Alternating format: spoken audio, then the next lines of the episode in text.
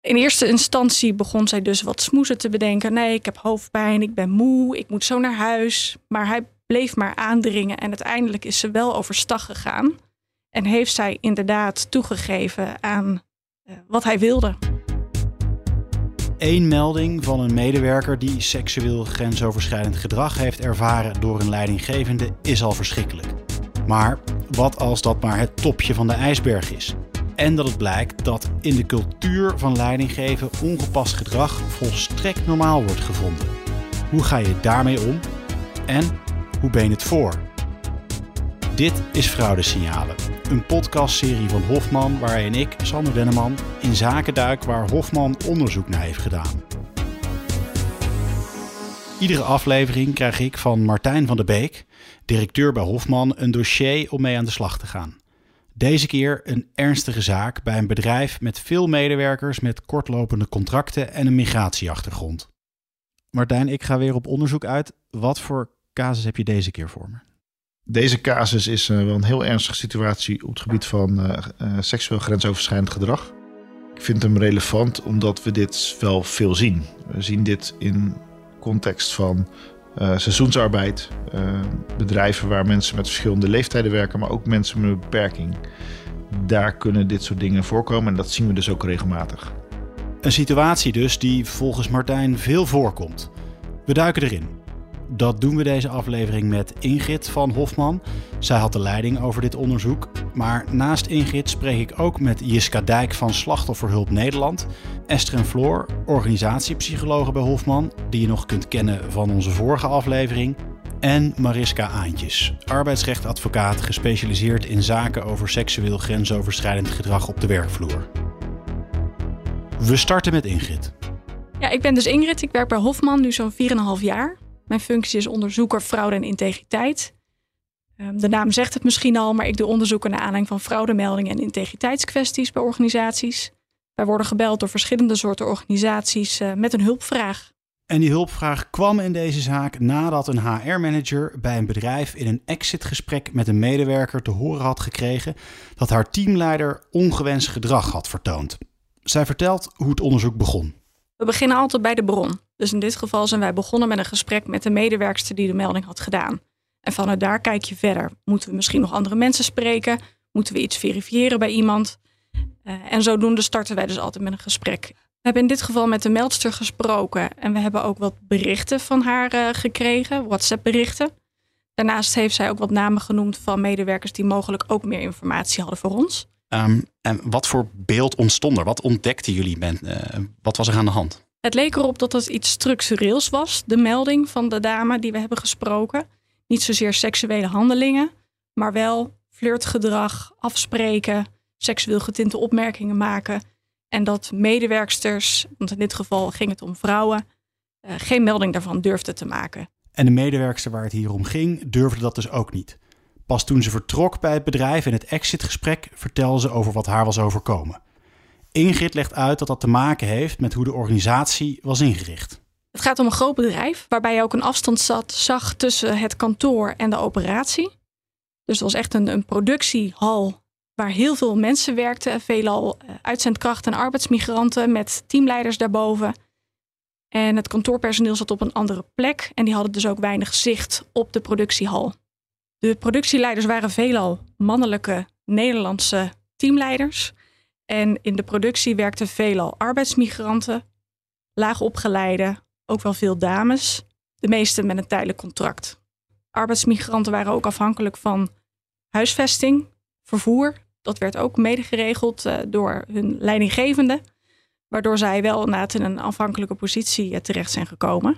Ik spreek hierover ook met Jiska Dijk van Slachtofferhulp Nederland ben psycholoog van achtergrond en ik hou me voor Slachtofferhulp Nederland bezig met uh, het dossier seksuele delicten. Ja, wij staan uh, slachtoffers bij van uh, allerlei soorten delicten. En dat doen we met emotionele ondersteuning, praktische ondersteuning en juridische ondersteuning. En ik vraag Jiska of zij de dingen die Ingrid noemt ook herkent als factoren waardoor mensen sneller slachtoffer zijn van seksueel grensoverschrijdend gedrag. Ja, ik, ik zag heel veel factoren terugkomen die vaak een rol spelen bij seksueel grensoverschrijdend gedrag en seksueel geweld. Uh, en dat is allereerst de, machtsverhouding die er is tussen de leidinggevende en de werknemer. Ja, je ziet dat uh, bij seksueel geweld is er altijd sprake van een machtsverhouding of een afhankelijkheidsrelatie. Um, en daar wordt misbruik van gemaakt. Dus op het moment dat een leidinggevende zegt, uh, ik kan jou belonen. Hè, dus ik, als jij dit doet, dan kom je hoger op of dan hou je je baan. Betekent het ook dat iemand je kan straffen. En dat maakt bang. bang om erover te vertellen wat er aan de hand is. Er zijn wel bepaalde factoren die, waarbij we vaker zien dat mensen slachtoffer zijn van seksueel geweld. En dat kan zijn bijvoorbeeld de taal niet spreken, op de werkvloer ook een tijdelijk contract hebben. Um, weinig diversiteit in het team. Um, het kan zijn dat uh, mensen niet goed uitgelegd is wat je rechten zijn als werknemer. Uh, waardoor je, of het kan ook zijn dat je niet goed weet wat de cultuur is en wat normaal is en wat niet. Dus dat kan allemaal invloed hebben op uh, in hoeverre jij open bent over wat er gebeurt wat je niet prettig vindt. In dit bedrijf was er dus overduidelijk een situatie waarin de vrouwelijke medewerkers zich afhankelijk voelden van de mannelijke teamleiders. Dat is de grond voor hoe de relatie tussen de medewerkster en haar teamleider zich ontwikkelde en uiteindelijk escaleerde. Ingrid vertelt.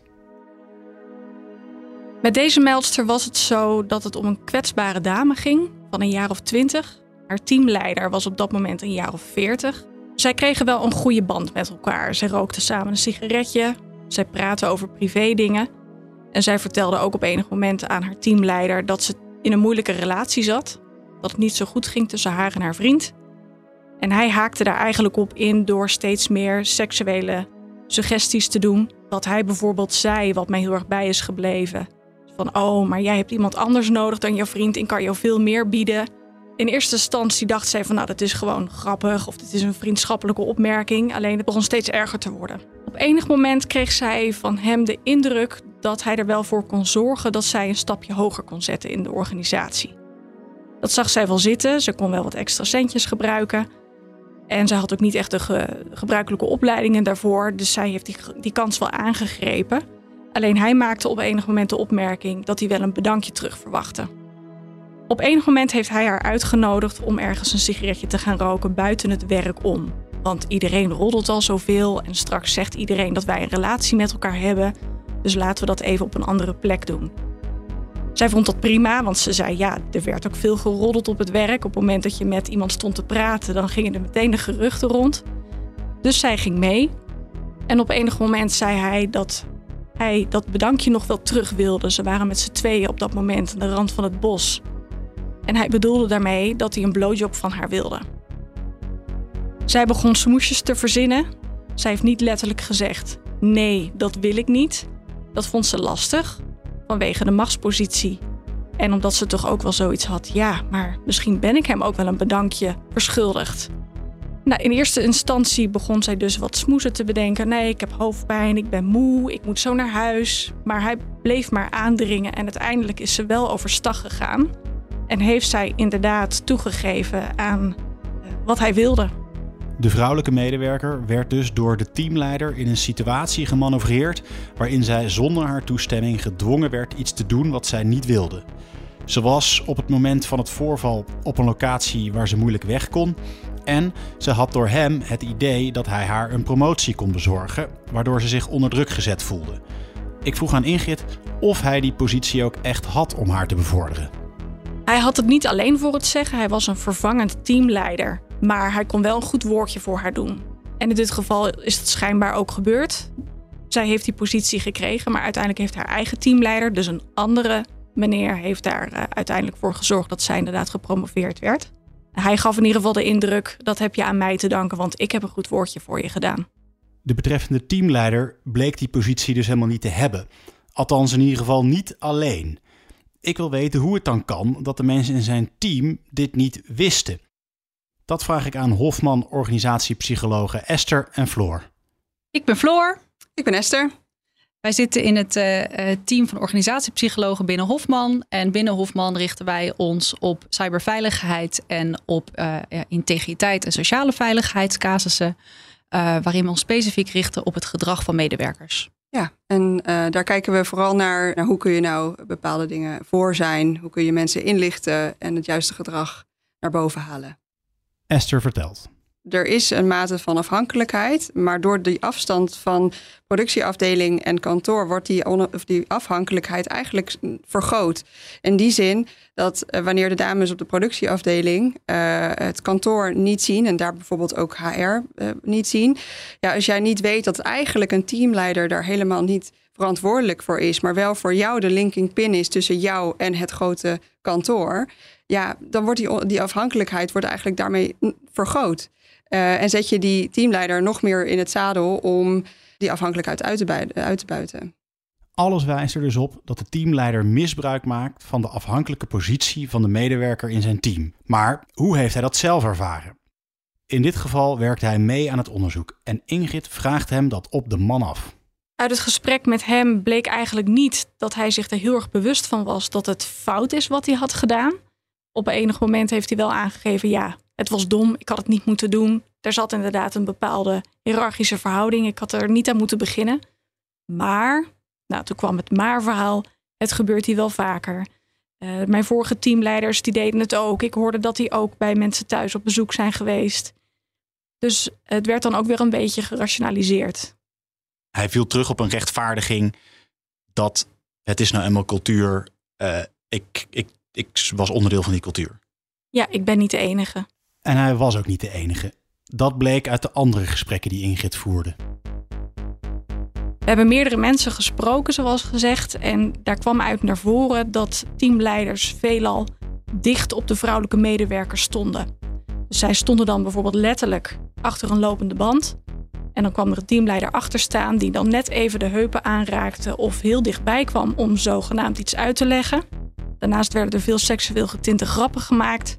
En er ging ook een gerucht dat er uh, foto's rondgingen van dames, meestal schaars gekleed, uh, van medewerkers. Dat zou gedeeld worden onder de teamleiders. Nu moet ik er wel bij zeggen dat we dat niet hebben kunnen aantonen en dat dat bij een gerucht is gebleven. Maar het schetste wel iets over de situatie van hé, hey, maar dit gebeurt vaker dat er misbruik wordt gemaakt van een positie. Uiteindelijk hebben we ook een gesprek gevoerd met de vermeende dader. Die heeft ook beaamd dat er vroeger ook heel veel teamleiders naar de parken gingen waar arbeidsmigranten woonwa- of woonachtig waren. Uh, om daar seksueel, seksuele handelingen te verrichten met medewerkers.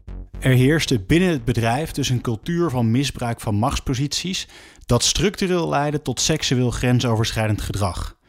Ik vraag Ingrid hoe het kan dat deze situatie zo lang heeft kunnen blijven bestaan. We hebben dat uiteraard gevraagd aan de meldster. Zij vertelde dat ze niet wist bij wie ze terecht kon. Ze vertrouwde eigenlijk andere teamleiders ook niet, want er hing al een zweem omheen dat alle mannelijke teamleiders waren hetzelfde en waren maar op één ding uit. En zij wist niet hoe ze iemand kon benaderen, wie ze dan kon benaderen. Zij had nog nooit van een vertrouwenspersoon gehoord en zij wist niet wie er bij HR werkte. De medewerkster wist dus niet bij wie ze terecht kon. Maar dit is niet maar één incident. Het gedrag vond breed plaats binnen de organisatie. Dat moeten ook andere mensen hebben gezien. Waarom trekken die dan niet aan de bel? Ik vraag het organisatiepsycholoog Floor. Uh, in de uh, psychologie uh, um, kennen we de theorie het bystander effect. En daar zou in dit geval ook sprake van kunnen zijn geweest. het bystander effect houdt eigenlijk in dat op het moment dat zich iets ergs voordoet, een incident, dat mensen, dat als, er een, als dat gebeurt onder een grote groep mensen, dat mensen dat zien uh, uh, maar er niet op ingrijpen. En verschillende redenen zijn dat mensen zeggen. Ja, iemand anders die springt daar toch wel op in. Of ja, ik ben niet de aangewezen persoon om hier iets van te zeggen. Of een andere reden is dat mensen zeggen: ja, maar ja, als ik er wat van zeg, dan krijg ik er misschien zelf wel problemen. Het zogeheten bystander effect kan dus een verklaring zijn waarom niemand ingreep. Maar ook de samenstelling van de organisatie, vertelt Esther als je kijkt naar zo'n team, ja, in hoeverre zit diversiteit daarin? Hè? Uh, als dat allemaal mensen zijn, uh, misschien wel allemaal mannen zijn, die dezelfde normen en waarden hebben en, en dat prima van elkaar vinden, ja, dan zit er geen zelfcorrigerend vermogen meer in. En uh, ja, dan, dan blijft dit voortbestaan. En als er dan, mocht er wel een nieuwe teamleider bij komen, is het dan alsnog heel lastig voor een nieuwe teamleider, als onderdeel van de groep, we zijn toch een beetje groepsdieren, om dan te zeggen ja, maar ho is, hier, hier hoort het niet hè, uh, als nieuweling. Um, dus eigenlijk moet je terug naar de, naar de basis van hoe, hoe is het überhaupt mogelijk dat dit zo ontstaat. En, en daar zit hem uh, erin dat wanneer um, je het hebt over uh, sociale onveiligheid of, of seksueel overschrijdend gedrag, is dat je eigenlijk vanaf het eerste moment al moet zeggen van ja, dit, dit, dit tolereren we hier niet.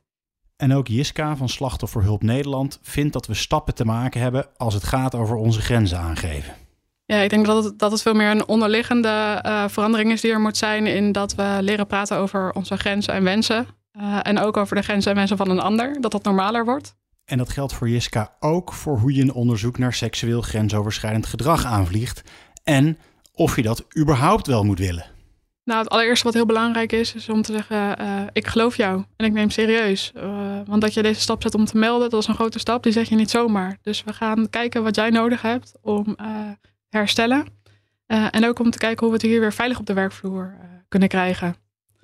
En je ziet de valkuil dat werkgevers ehm, overgaan dat ze waarheidsvinding willen doen. Dus wat is er nu precies gebeurd? en dat is misschien ook wel belangrijk vanuit het perspectief van een werkgever. Maar vanuit het perspectief van de slachtoffer is het vooral belangrijk dat hij geholpen wordt om weer uh, verder te kunnen uh, en zijn werk te kunnen doen en zich veilig te voelen. In dit onderzoek werd het slachtoffer natuurlijk serieus genomen. En dat veilig voelen, wat Jiska benoemt, dat begint dus met een gesprek over onze grenzen en wensen en die van anderen.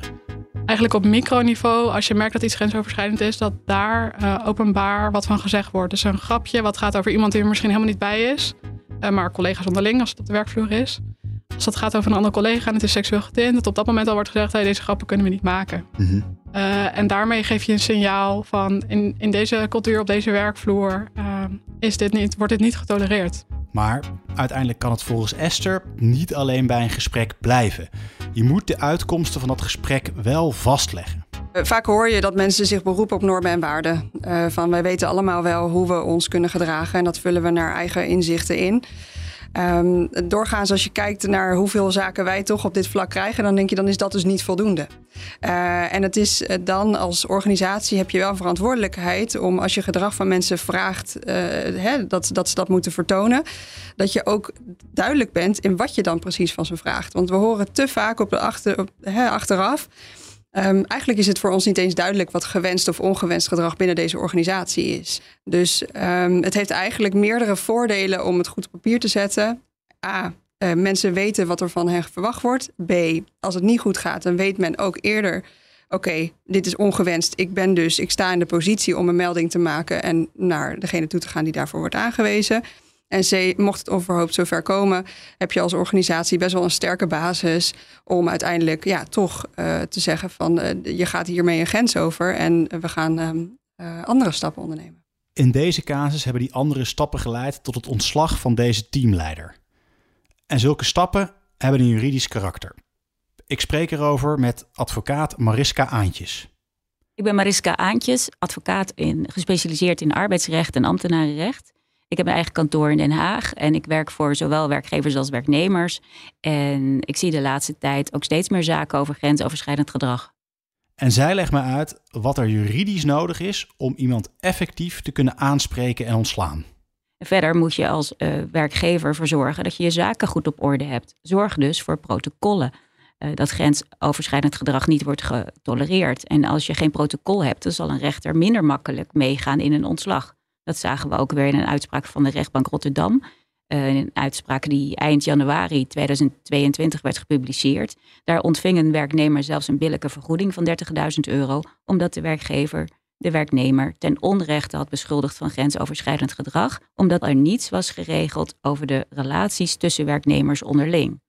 Nou, dat lijkt misschien uh, heel, heel voor de hand liggend, want ik ja. denk dat er heel veel bedrijven zijn die, die geen uh, protocol hebben over relaties tussen werknemers onderling. Maar zorg dus dat je dat wel hebt. En geef dan ook voorbeelden van grensoverschrijdend gedrag. Het is niet alleen maar een definitie, maar zorg dat het gaat leven.